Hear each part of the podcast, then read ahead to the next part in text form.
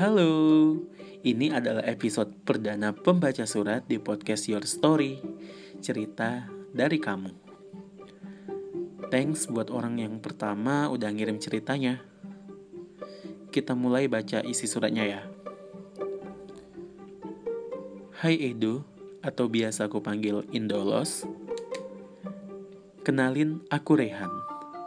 Kayaknya aku orang pertama di episode ini yang dibacain ceritanya. oh iya, maaf ya kalau isi suratnya berantakan. Oke, langsung aja ke ceritanya. Ini kejadiannya kira-kira tahun 2009 atau 2010. Ya, sekitar 11 tahunan yang lalu, pas masih SMP. Aku pernah suka dengan cewek yang satu angkatan dengan kita. Sebut saja namanya Fioni.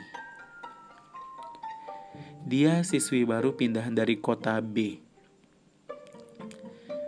Tapi aku tidak satu kelas dengan dia.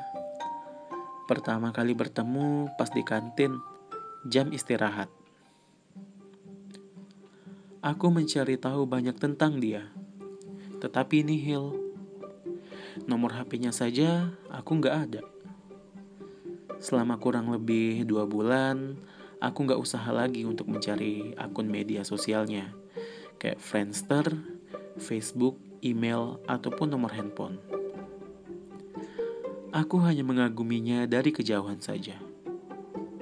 Oke.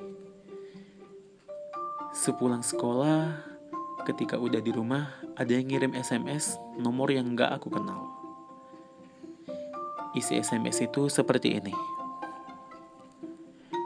Hey Rehan, ini aku, Fioni. Jadi aku kaget banget kalau itu dia. Sempat gak percaya, tetapi feeling aku kayaknya yakin. Lama-kelamaan aku dan Fioni setiap hari mengirim SMS. Bahkan sampai kami pacaran. Wow. Tetapi entah kenapa setiap di sekolah kami seperti biasa aja. Kayak orang gak kenal gitu. Pernah aku telepon, tapi gak pernah diangkatnya sama sekali. Aku dan Fioni cuma pacaran lewat HP doang. Wow. Oke. Okay. Kami pacaran cuma sampai dua atau tiga bulanan kalau nggak salah. Yang memutuskan untuk putus itu adalah aku. Entahlah, mungkin mulai bosen kayak gini aja, kayak gini aja. Aku nggak pernah lagi membalas SMS dia. Aku dan Fioni nggak pernah kontakan lagi sampai kenaikan kelas. Aku nggak satu kelas dengan Fioni, tetapi aku satu kelas dengan temannya. Nah, di sini nih mulai puncaknya. Aku iseng menanyakan tentang Fioni lagi dengan temannya.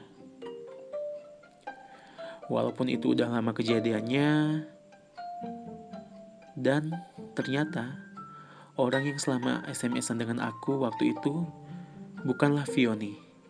Hah? Tetapi itu orang lain. Wow. Aku ngasih lihat nomor handphone Fioni ke temannya. Ternyata itu bukan nomor HP-nya dia. Jadi, aku bingung selama ini. Aku SMS-an dengan siapa? Huh? Dan juga nomor HP palsu itu udah nggak aktif lagi. Oke, sekian ceritanya. Maaf kalau kepanjangan. Makasih. Wow. Jujur ya, ini gimana ya? Orang yang gak dikenal loh jadi selama ini sama siapa loh kita SMS-an kayak gitu. Ini aku juga bingung. Kok bisa ya ada yang nyamar gitu?